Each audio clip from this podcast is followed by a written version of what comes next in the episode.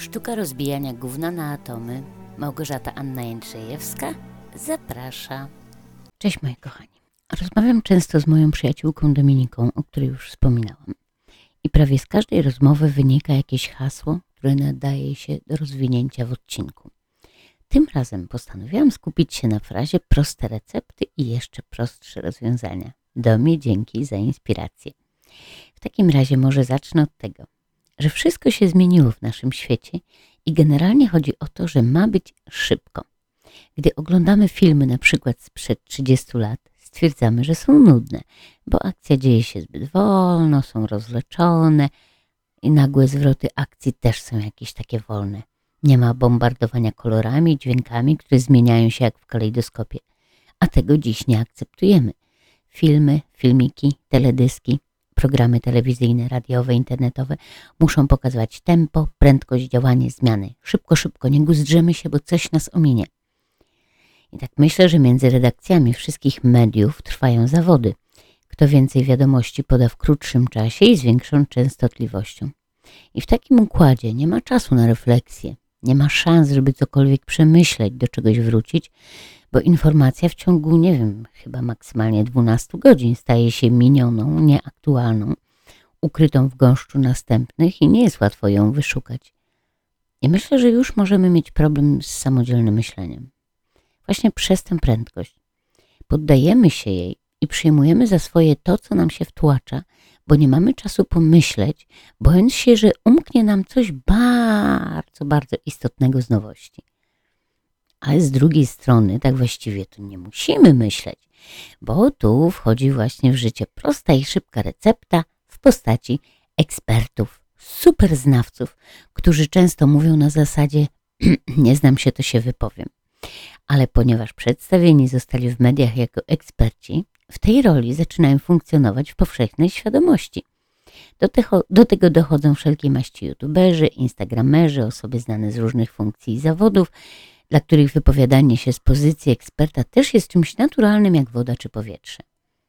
No tak, powinnam też dodać podcasterów do tej listy i owszem, dodaję, ale póki co spotkałam się z takimi, którzy mówią sensownie. Czy ja się do tej grupy też zaliczam, nie wiem. Tu słuchacze powinni się wypowiedzieć, ja milczę. Ale wracam do rzeczy. Tak więc mamy super szybkie i proste recepty. A internet to wszystko rozprowadza z taką prędkością, o której chociażby przed 30 laty nam się nie śniło. Wystarczy wrzucić daną frazę w wyszukiwarkę i dostajemy tysiące odpowiedzi. Mało tego, czasem mam wrażenie, że ktoś z tych internetów siedzi w mojej głowie i podpowiada tym z Facebooka czy z Google'a. Dajcie jej o meblach albo o podcastach. To było wtedy, gdy zaczynałam o czymś dopiero myśleć, jeszcze nie wrzucałam nic w wyszukiwarkę. A i oczywiście jeszcze przed szczepieniem, zanim mi wcisnęli chipa. Hm, taki żarcik oczywiście. No, wszystko polega na tym, że algorytmy są sprytniejsze od nas, śledzą nas wszędzie, gdzie bywamy i mogą przewidzieć na podstawie poprzednich wyszukań, jakie będą kolejne, jeszcze zanim my o nich pomyślimy. Ale tym sposobem szukamy, że ujmę to metaforycznie, suplementów diety na wszystko. I błyskawicznie dostajemy proste recepty na wszystko na zakończenie wojny, na wygrany mecz, e, na to, jak żyć długo i szczęśliwie, na wysypkę, na ból w klatce piersiowej, ból żołądka, z tyłu, ból żołądka, ból z tyłu głowy, ból nerek, wątroby, pleców, podbrzusza, brzucha. Tak pokazało mi Google, czego szukamy, gdy wrzuciłam słowo ból. I do tego od razu można było znaleźć odpowiedzi na pytania typu czym jest ból, co to jest ból fizyczny, tępy ból, co to znaczy kliniczny podział bólu, jak opisać ból, reakcja organizmu na ból, rodzaje bólu, tępy ból, definicja. To wszystko z Google'a, z wujeczka. A gdy klikniemy na przykład na pytanie, czym jest ból, dostajemy około 21 milionów 700 tysięcy wyników. 21 milionów, rozumiecie? To jest niesamowite. Oczywiście część odpowiedzi się powtarza, ponieważ wiele mediów działa na zasadzie kopiuj, wklej. Jednak liczba i tak jest imponująca. I co by nie powiedział, te odpowiedzi trochę różnią się od siebie, bo każdy, kto uważa się za znawcę, za eksperta, chce dodać swoje trzy grosze. No i teraz, jak znaleźć suplement diety, nadal to ujmuję metaforycznie, który będzie odpowiedni dla nas, gdy mamy tyle odpowiedzi. Oczywiście szukamy także lekarstw na złamane serce czy brak relacji w związku. I teraz uwaga, zacznie się jazda bez trzymanki, bo są dwie szkoły. Jedna powiada, że nic nie jest tak proste, jak się wydaje, bo w prawdziwym życiu nic nie jest zero-jedynkowe.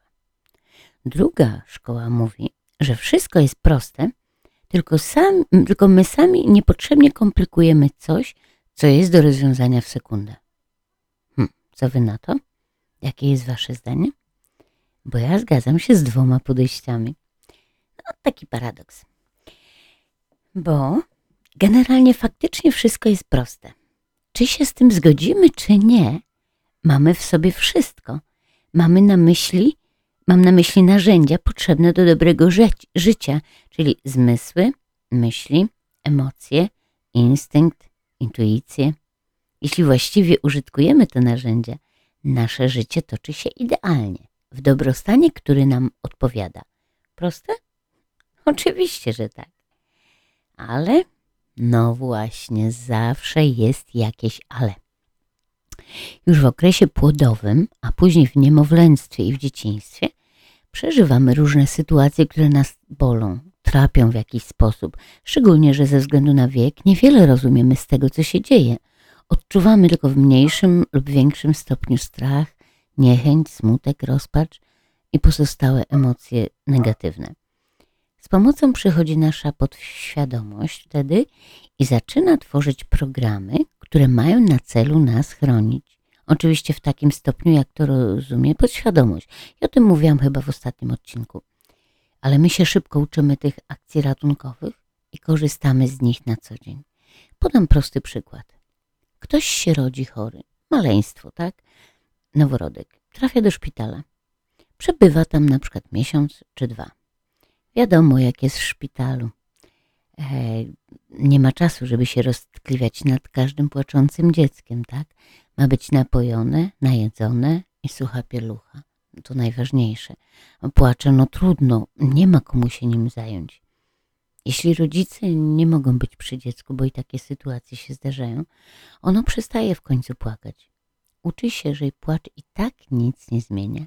Jeśli nawet ktoś podejdzie, to nie po to, żeby przytulić.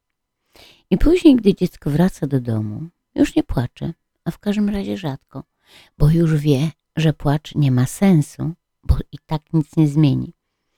I to przeświadczenie może utrzymywać się przez wiele lat.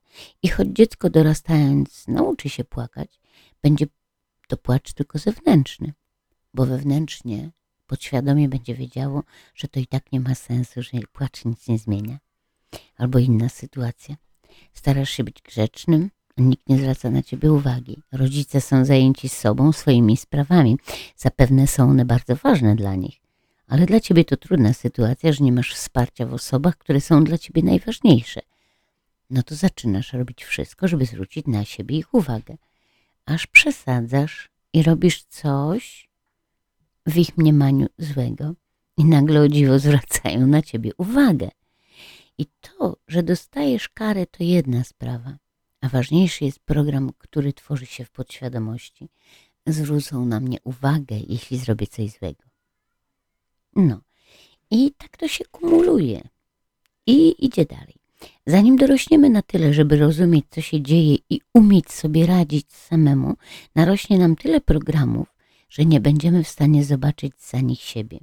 I to co mogło być potencjalnie łatwe, czyli ta, ta, ta pierwsza szkoła, tak, e, staje się nad wyraz trudne, a nasze emocje idą na autopilocie, bardzo często nieadekwatne do sytuacji i z reguły reagujemy tak samo na sytuacje wywoływane przez podobne przyczyny. Mało tego, z reguły zapominamy o sobie i o swoich potrzebach, zaspokajając potrzeby innych, Dlatego w naszym tym matriksie, jeśli mogę to nazwać, z reguły mamy wielu przyjaciół, dla których jesteśmy wręcz cudem, bo zrobimy dla nich wszystko, tak? Nie patrząc na siebie. Ale z tymi przyjaciółmi i z samymi sobą nie rozmawiamy o emocjach, bo po co drążyć temat, który może być niebezpieczny. Zamiast dowiadywać się czegoś o sobie, kupujemy Prozac, bo to zdecydowanie łatwiejsze. Albo inne lekarstwo. Pamiętam, mm, ja przyjmowałam Aurorix. E, nie otwieramy oczu, bo światło wiedzy mogłoby nas oślepić. Lepiej żyć w powierzchownym matriksie i nie wiedzieć za dużo, bo to może być bolesne no i można stracić przyjaciół. I wiecie co? To wszystko gówno prawda. Owszem, to, to, że nie rozmawiamy, to, że nie odkrywamy, to jest gówno prawda, bo owszem, to nie zawsze jest miłe, gdy dowiadujemy się, że nie jesteśmy tacy super, jak nam się wydawało. Owszem, to bywa przykre, naprawdę przykre, gdy, gdy, gdy e, dociera do nas świadomość, że to, czego nie lubimy u kogoś, na co zwracamy uwagę, co jest paskudne, to z reguły jest to cecha, którą mamy sami w sobie. Niełatwo jest się z tym pogodzić, niełatwo jest, y, jest zaakceptować ten fakt i, i przyjąć jako lekcję, ale, ale wiecie co, to jest frajda.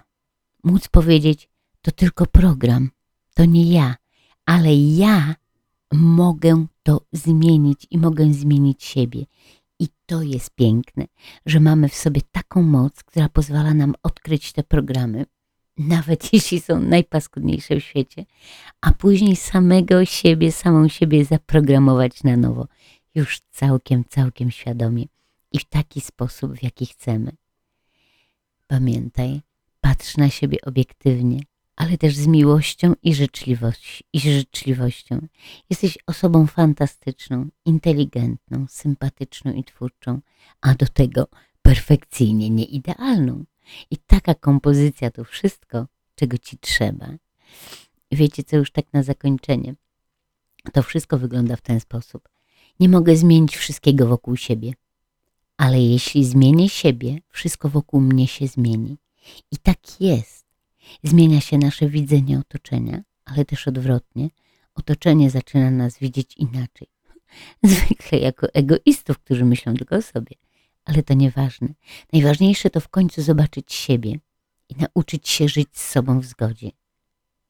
Nie wiem, czy już Wam mówiłam, jakie są trzy rzeczy, które mogą uczynić każdy poranek radosnym.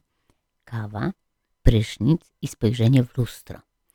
Kawa pobudzi umysł, prysznic orzeźwi ciało, a osoba, która się do Ciebie uśmiecha w lustrze, rozgrzeje serce. A kto jest tą osobą? Która się do ciebie uśmiecha? Ty, oczywiście, że ty. No, więc z okazji kolejnego dnia dziecka, dziś jest 18 marca, y, 8, przepraszam, 18 czerwca, więc z okazji kolejnego dnia dziecka życzę Wam takich właśnie radosnych poranków codziennie. No, a teraz wracam do szukania programów u siebie. To trudna praca, ale możliwa. I oczywiście, jak się z nią uporam, będzie temat na kolejny odcinek albo i kilka odcinków. A teraz pozdrawiam Was cieplutko i do usłyszenia.